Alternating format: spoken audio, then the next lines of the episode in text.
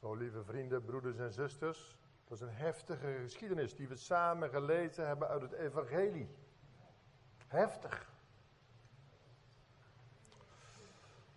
En daar gaan we samen over nadenken. En als kerntekst heb ik gekozen Marcus 5, vers 19, het tweede stukje. Waar Jezus tegen die man zegt die bevrijd is: Ga naar uw huis, naar de uwen, en bericht hun alles wat de Heere voor u gedaan heeft en hoe hij zich over u ontfermd heeft. Dat is de tekst. Het thema hebben jullie al gehoord. Een prachtig thema vind ik. Jezus bevrijdt gevangenen. En om wat structuur aan te brengen heb ik vijf aandachtspunten. Eerst beheerst door de boze. Twee, contact met de levende. Drie, Jezus weet ons te vinden. Vier, hij heeft alle macht. En vijf, wat als Jezus vertrekt? We gaan naar ons eerste aandachtspunt. Beheerst door de boze. Dat eerste vers wat we lazen, Marcus 4, vers 41, dat gaat over die storm op zee. En dat is een heel bekend verhaal, dat kennen we denk ik allemaal wel. Jezus steekt met zijn discipelen tegen de avond het meer van Galilea over. En ze komen in een vreselijke storm terecht. En de, en de discipelen zijn doodsbang en ondertussen ligt Jezus te slapen. Dus de discipelen maken hem wakker. Jezus spreekt enkele woorden tegen de wind en de zee en het wordt stil. Vol verbazing en vol ontzag. En diep onder de indruk kijken de discipelen naar hun meester en ze zeggen tegen elkaar: Wie is toch deze? Dat zelfs de wind en de zee hem gehoorzaam zijn. Ze zien wel, deze rabbi heeft alle macht. Nou, wat zei Jezus tegen hen voordat zij vertrokken met het bootje het meer op? Wat zei Jezus tegen hen? Hij zei: Laten wij overvaren naar de overkant. En als Jezus dat zegt, als Jezus een plan heeft, dan gebeurt het. Want hij heeft alle macht. Geen storm houdt Jezus tegen. En ze overleven de storm. En gelukkig bereiken ze de overkant. Maar of je daar niet zo blij van wordt. Want ze komen aan land. In het gebied van Gadara. Een stad in het zuidoosten van het meer van Genezaret. Een heuvelachtig gebied met wat witte krijtrotsen.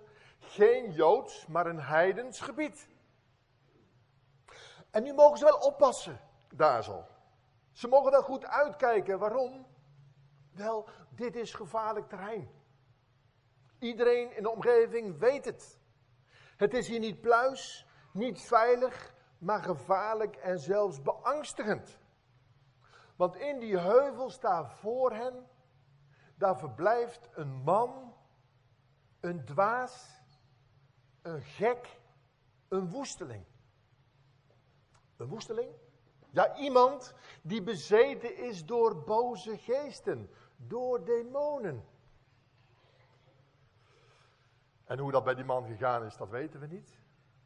Maar vaak begint zoiets heel klein, heel onschuldig.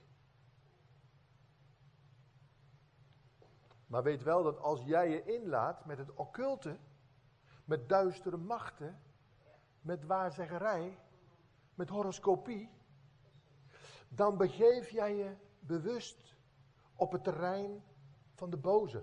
En dan kom je op een harde vlak. Want vaak gaat het heel snel van kwaad tot erger. En voor je het weet, ben je ook in zijn macht. Kijk daarmee uit. Deze man ook. Hij is bezeten. Hij woont niet meer in zijn huis, niet meer bij zijn familie. Vroeger wel. Vroeger woonde hij bij zijn gezin, nu niet meer. En heeft zijn intrek genomen in die grotten daar langs de kust. Die je overal ziet, die grotten, en waar de doden begraven worden. Hij woont in de grotten bij de overledenen. Wat luguber. Deze dwaas, deze man. Wat ziet hij eruit? Hij gaat nooit naar de kapper, dus hij heeft een verwilderde habels en een snor en een baard. Hij draagt geen kleren. En ook al waait het of regent het, hij loopt meestal naakt of half naakt in het rond. En weet je, vaak is hij bezig om zichzelf pijn te doen met een steen. Dan pakt hij een kei en dan slaat hij zich op zijn hoofd, op zijn armen, zijn benen. En hij zit onder de blauwe plekken en de schrammen en de wonden. Heb je het plaatje compleet? Deze man ziet er vreselijk uit.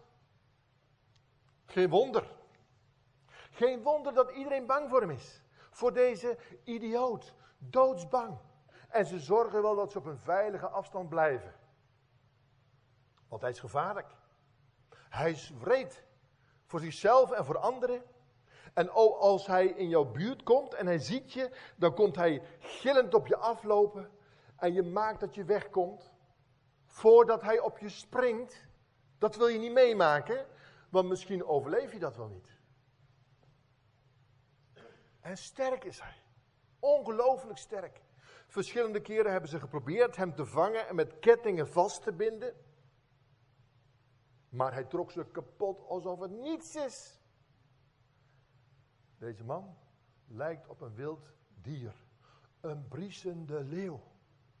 Gevaarlijk, afzichtelijk en angstaanjagend. Nou, dat is het werk van de duivel ten voeten uit. Mensen ruïneren. Mensen afbreken. Mensen te gronden richten. Blijf uit zijn buurt. Dus kijk uit, daarin Gadara. Wees gewaarschuwd en pas op. Gevaarlijk. Hier waak ik. En haal het niet in je hoofd om hier aan land te komen. Dit is gevaarlijk terrein, want deze man, hij wordt volledig beheerst door de boze. Dat was ons eerste aandachtpunt. Beheerst door de boze. Dan gaan we naar het tweede punt. Contact met de levende. Precies op die plek.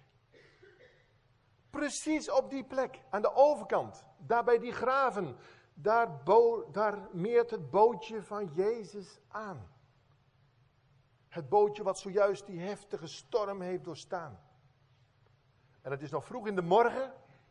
En ze stappen uit het schip. En ze gaan aan land. De Jezus als eerste. En zijn discipelen komen achter hem aan. En ze lopen het pad op richting de heuvels.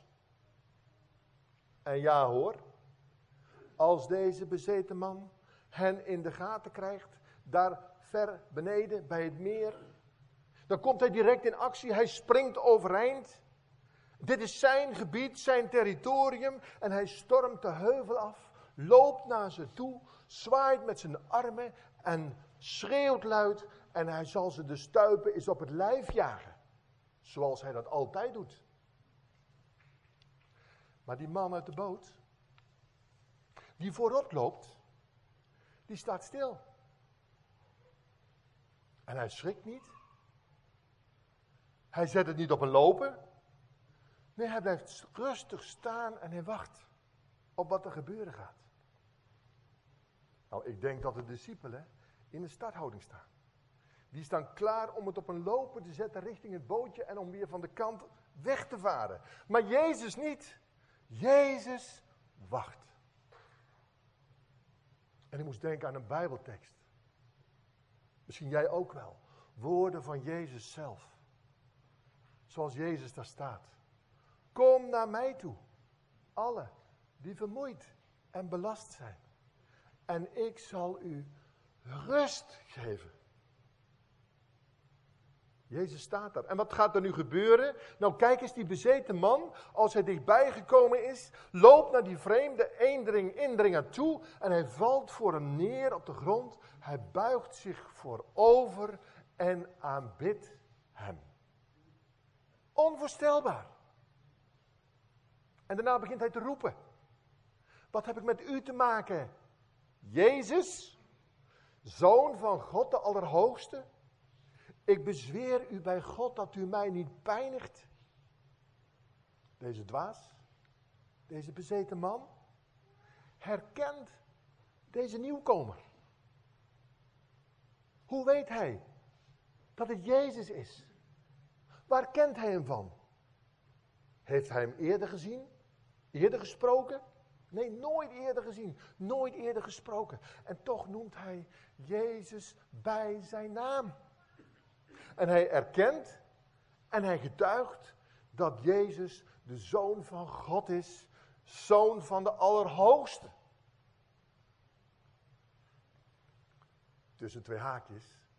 Let er even op dat dit een heel sterk getuigenis is van wie Jezus is. Dat hij werkelijk de Zoon van God is. Dat de mens Jezus, die 2000 jaar geleden op aarde leefde, dat hij zelf God is. Want de woorden van deze bezetenen, die zijn zo puur. Dit kan geen bedrog zijn. Je kunt met zo'n man niet onder één hoedje spelen. En die kun je ook niet laten zeggen wat je wilt dat hij zegt. Nee, dit is de waarheid. Jezus is de zoon van God. En er zijn getuigen bij. Ja, de discipelen. Ja, die ook. Maar verderop, op veilige afstand staan er herders, varkenshoeders. En zij zien ook wat er gebeurt. Hoe deze bruut, die ze maar al te goed kennen, de schrik van de omgeving, zich buigt aan de voeten van Jezus. Hoe kan dat? En hoe komt hij tot zo'n uitspraak? En in zijn dwaasheid streeft hij veel andere mensen voorbij. De schriftgeleerden en de fariseeën. En hij erkent dat Jezus de Zoon van God is. Hoe is dat mogelijk? Nou weet je, de aanleiding daarvan is helemaal niet zo mooi. Deze man is bezeten. Dat wil zeggen, hij staat onder invloed van boze geesten, van demonische machten. En die bezetenheid die geeft hem een bovennatuurlijke kracht. Daarom kon hij die kettingen ook zomaar verbreken. En die bezetenheid die geeft hem ook bovennatuurlijk inzicht. Helderziendheid zou je kunnen zeggen. Kennis over Jezus. Want deze man staat onder invloed van de duivel zelf. En de duivel is niet dom. Denk dat niet. De, engel is een, de duivel is een gevallen engel. Vroeger hoorde hij bij God. Vroeger was hij een van de belangrijkste engelen van God. Maar hij is Gods tegenstander geworden. En hij heeft andere engelen meegenomen in zijn opstand tegen God. En die andere engelen, dat zijn demonen. Dus reken maar dat de boze macht heeft. En dat hij niet dom is. En toen de duivel in de nacht dat bootje over dat meer zag aankomen. In de richting van het land van Gadara. Toen zag hij daarin een oorlogsschip van het koninkrijk van God. Er komt namelijk een boot aan. Met een bemanning, met strijders die hem, de boze, komen bestrijden. En die een bedreiging vormen voor hem en voor zijn duivelse macht. Ook zijn macht op deze man, deze bezetene. Want als Jezus aan de ene kant van het meer bezig is om mensen te bevrijden van demonen, dan kan hij dat aan deze kant van het meer toch ook doen? Was er daarom plotseling die harde storm op het meer in de nacht? Was dat een poging van de boze om dat oorlogsschip van het koninkrijk van God de grond in te boren? Was dat zijn plan? Om Jezus en zijn discipelen ten onder te brengen en te smoren in de zee? En was het niet juist daarom ook dat de Heer Jezus de wind en de zee bestrafte en zei: Zwijg, wees stil. Ondanks de storm heeft de Heer Jezus de overkant bereikt. Hier is Hij nodig. Hier moet Hij zijn. Hier is iemand in nood. En Hij gaat aan land. En dat is een waagstuk. En ja, daar komt die wilde man. Die prooi van de boze. Naar Jezus toegestormd. Hij komt op de heiland af. En Jezus doorziet de situatie. En het is niet deze man, Jezus ziet dat, die voor zoveel ellende zorgt. Het is de boze geest die bezit van hem genomen heeft. En die zich door deze man heen manifesteert en het hele gebied terroriseert. En direct, toen Jezus hem zag komen, richtte hij zich al tot de onreine geest in die man. Want toen die man er schreeuwend aankwam lopen, toen ging er al kracht van Jezus uit. Hoe weet ik dat? Dat lezen we in vers 8.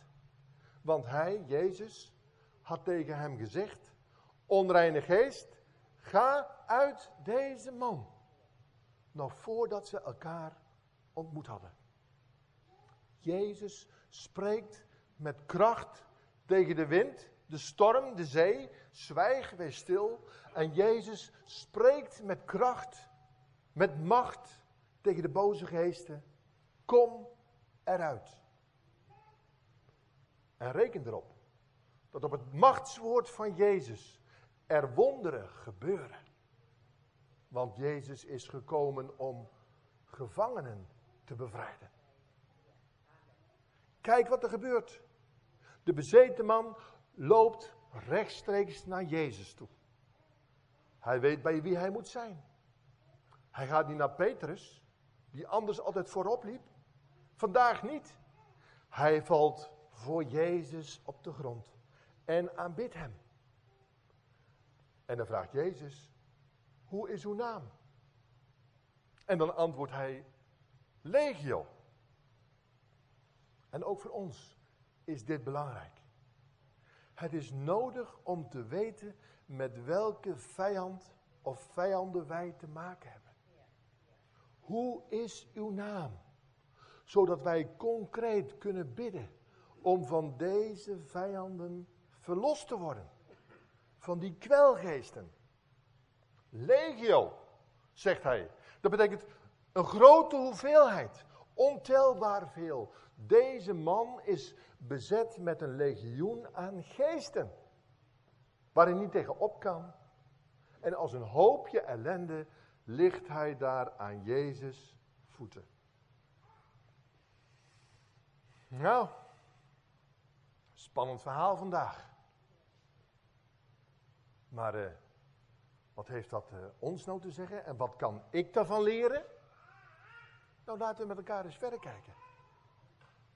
In ons derde punt staan we stil bij Jezus weet ons te vinden. Want waar mensen niet durven komen, daar gaat Jezus heen. En waar mensen het gevaar ontwijken, waar zij zich niet wagen, daar waagt Jezus zich. Hij zoekt mensen op, daar waar ze zitten. Midden in hun ellende. In hun hopeloze en uitzichtloze situatie. In de duisternis. Jezus begeeft zich in het hol van de leeuw. Hij gaat erop af. Net zoals David de reus Goliath tegemoet ging. Zo betreedt ook Jezus het strijdtoneel. En ik denk aan een tekst uit een van de profeten, Zephania, hoofdstuk 3, vers 17. En daar lees ik, Hij, de beloofde Messias, Hij is in uw midden een held die verlossen kan. In uw midden. En daarvoor ging Jezus naar de overkant van het meer. En daarvoor kwam hij naar de aarde, naar onze wereld. Hij kwam in ons midden, in bezet gebied, in onze misère, in onze vijandschap. Waar de vorst van de duisternis het voor het zeggen had. Waarom? Weer die tekst uit Jezaja. De Heere heeft mij gezalfd om een blijde boodschap te brengen. Aan zachtmoedigen. Hij heeft mij gezonden om te verbinden de gebrokenen van hart. En om voor gevangenen vrijlating uit te roepen. Ja, opening van de gevangenis. Jezus bevrijdt gevangenen. Jezus weet ons te vinden. Hij zoekt ze op die zijn hulp nodig hebben. En zijn grote liefde spoort hem aan om te gaan en dat te doen. En hij weet ze te bereiken. En soms schakelt hij daar mensen mee in. En stuurt die op hen af. En daarom wordt er hulp geboden aan verslaafden. En daarom wordt er gewerkt onder prostituees. En daarom zijn er vrijwilligers die gevangenen bezoeken. En daarom is er aandacht voor mensen met een gebroken leven. Vastgelopen. Niemand is te slecht. Niemand is te ver afgedwaald. Ook al ben je er beroerd aan toe.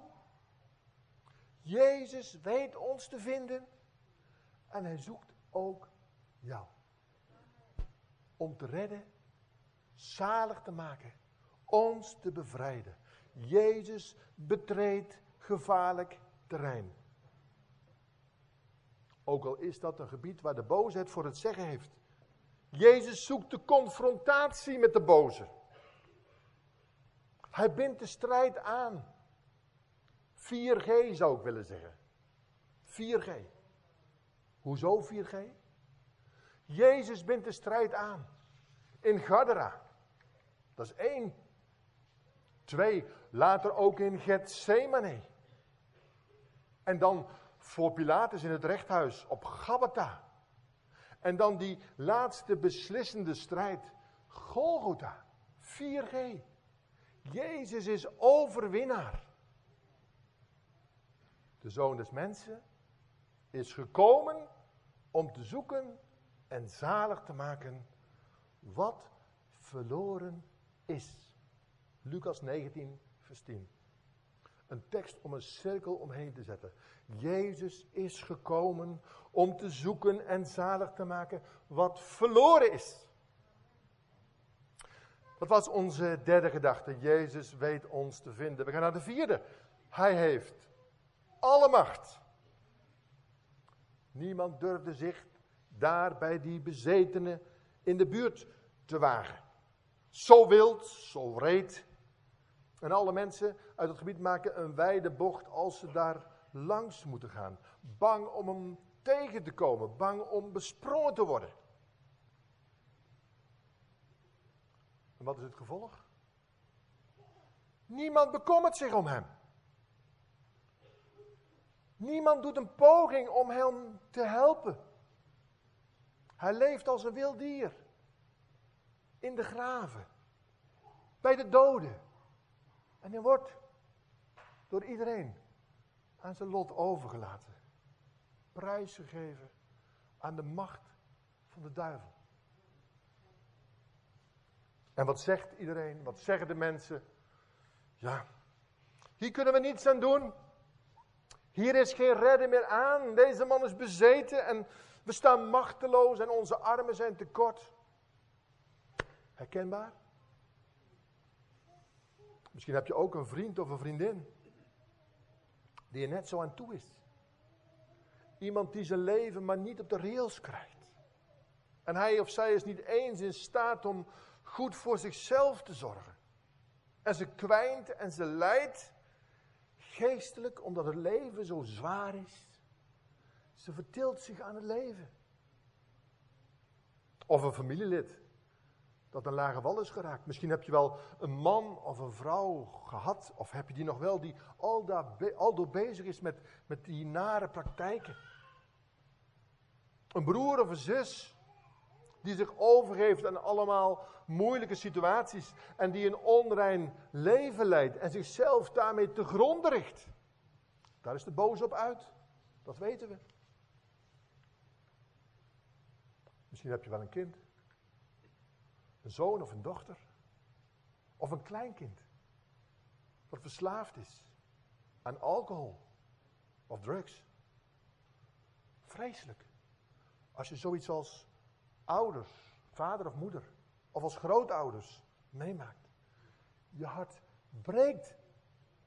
Maar je kunt er niets aan doen. Je kunt er niets aan doen. Nee, jij niet. Maar hij wel. Hij heeft alle macht. Wat is dat een hoopvolle boodschap, vrienden, vanmorgen. Hij heeft alle macht. Want de Heer Jezus is in staat om zo'n situatie te doorbreken. Reken erop. Om verandering te geven. Om redding te brengen. Kijk naar deze man uit Gadara. Jezus is in staat om het meest vastgelopen en afbrokkelende leven te herstellen, te vernieuwen, op te bouwen. En zo iemand te vervullen met nieuwe levensmoed en levenskracht. Ja, met blijdschap. Jezus heeft alle macht. Hij is gezalfd. Hij is de Messias. Juist daarvoor is hij gekomen. Want groter dan de helper is de nood toch niet. Jezus heeft alle macht. Gemeente, broeders en zusters, lieve vrienden, dat is voor ons vandaag ook zo belangrijk om te horen. Jezus heeft alle macht. Want misschien ben jij zelf wel in een strijd verwikkeld. Dat je te maken hebt met verkeerde gewoontes. Die je eigenlijk niet wilt. Verkeerde praktijken. Die jou beheersen. Telkens weer stap je weer in die valkuil. Jouw zwakke plek. Wat het dan ook maar is. Bij de een is dat geld. En bij de ander macht. Games. Overspel.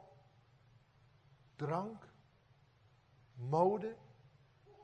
Jaloezie. Roddel. Oneerlijkheid. Vul maar in. Het is een verleiding waar je tegen strijdt.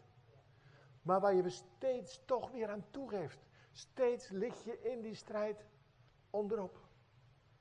Tegen wil en dank. En je doet het toch weer.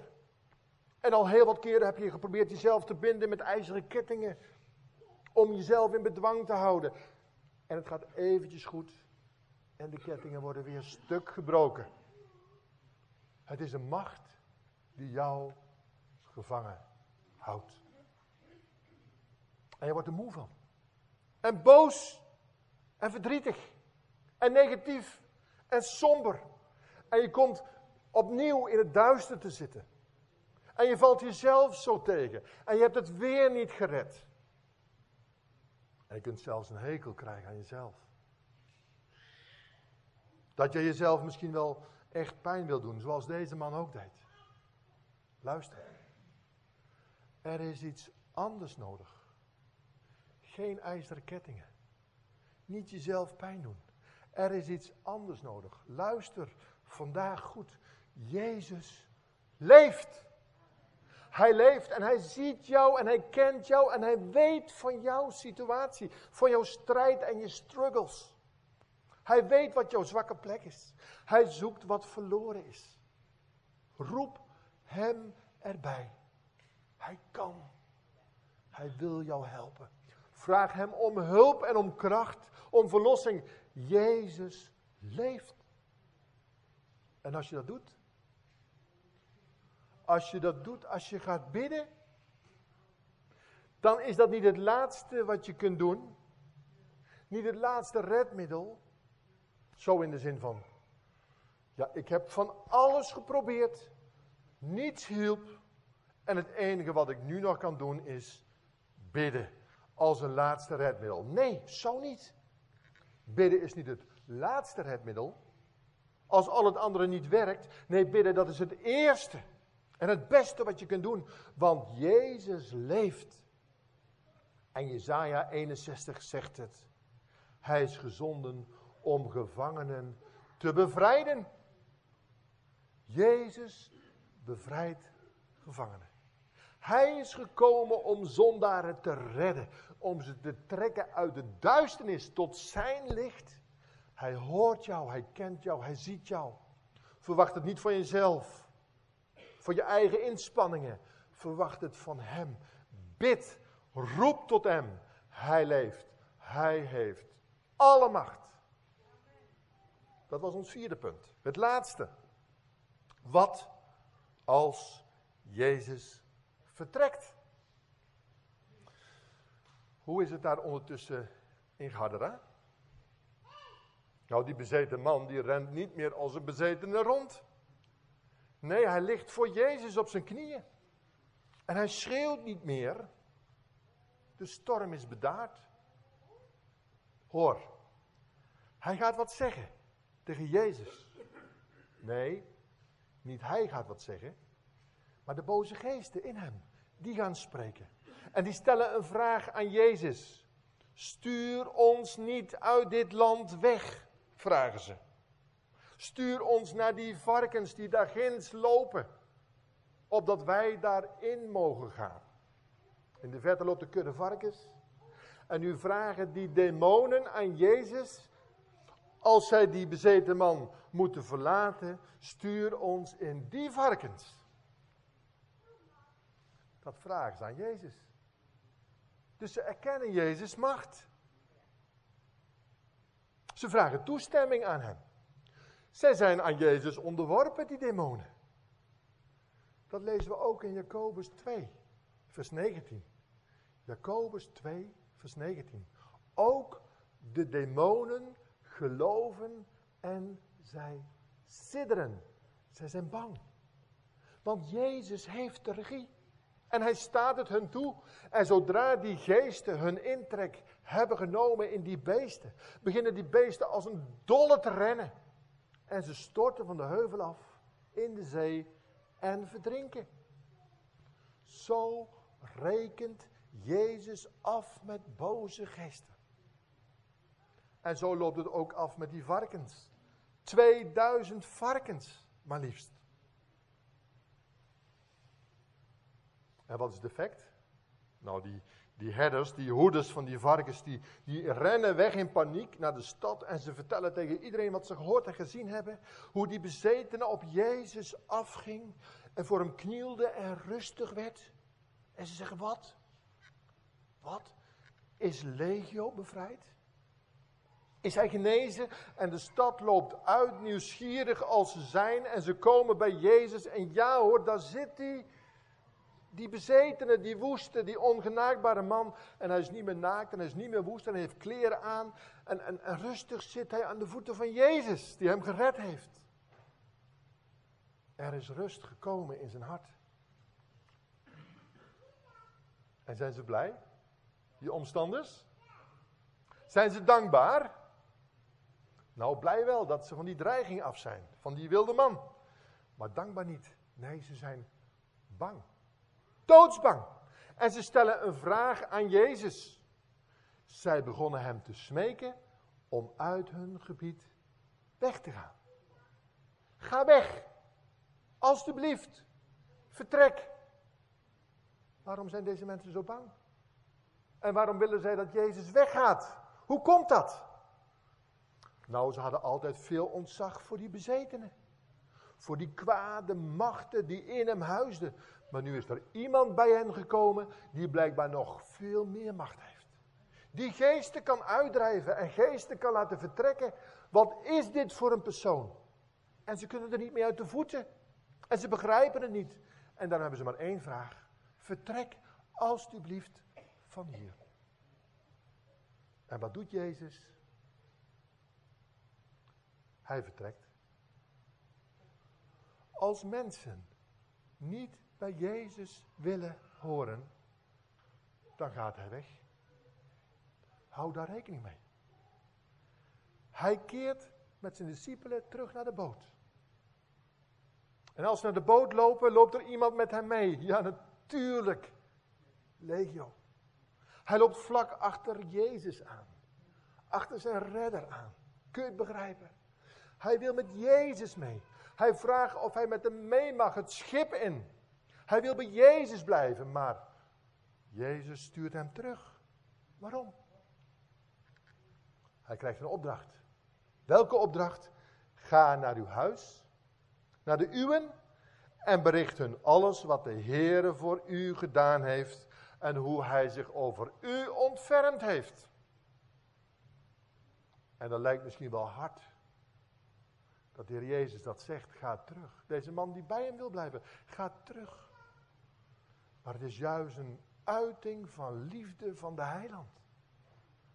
Want als Jezus nou in die streek niet langer welkom is.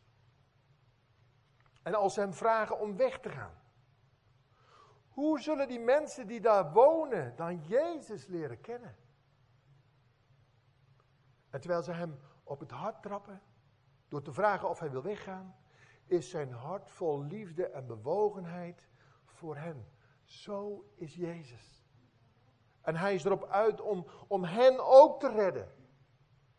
Ook als ze hem niet moeten. Ga naar uw huis, zegt hij tegen Leo. En vertel hun alles wat de Heere voor u gedaan heeft. Vertel, vertel. Nou, wat moet hij vertellen? Deze man weet niet zoveel. Wat moet hij vertellen? Hij kent de Bijbel niet. Hij moet vertellen wat God voor hem gedaan heeft. Vertel van je eigen ervaring. Vertel van jouw redding. Vertel van jouw redder. En God zelf zal bij je zijn. Hij heeft gezegd, ik ben bij je. Als je getuigt, Jezus is erbij. En straks ben je niet met de enige. Want straks komen er door jouw getuigenis mensen tot geloof. En die zullen bij jou zijn. Toen ging Legio weg. En hij begon in het gebied van Decapolis alles te verkondigen wat Jezus voor hem gedaan had. En zij verwonderden zich allen. Hij trekt dat gebied door en vertelt wat Jezus voor hem gedaan heeft. En er heerst verbazing en verwondering. Jezus is weer vertrokken met zijn discipelen. Maar hij zorgt dat er iemand is die van hem getuigt. Hij is vertrokken, maar zijn ambassadeur blijft achter. En deze man getuigt van hem. Zodat ook anderen, net als hij zelf, zodat ook anderen Jezus leren kennen. Wat is Jezus? Een liefdevolle zaligmaker. Ik eindig met een lied, het lied dat we ook gaan zingen. Liefde was het. Onuitputtelijk. Liefde en goedheid. Eindeloos groot. Toen de levensvorst op aarde tot ons heil zijn bloed vergoot. Komt, laat ons zijn liefde prijzen. God geeft vreugde en dankenstof. Eenmaal zingen wij voor eeuwig in de hemel zijn lof. Maar laten we ook nu al zijn liefde prijzen. Amen.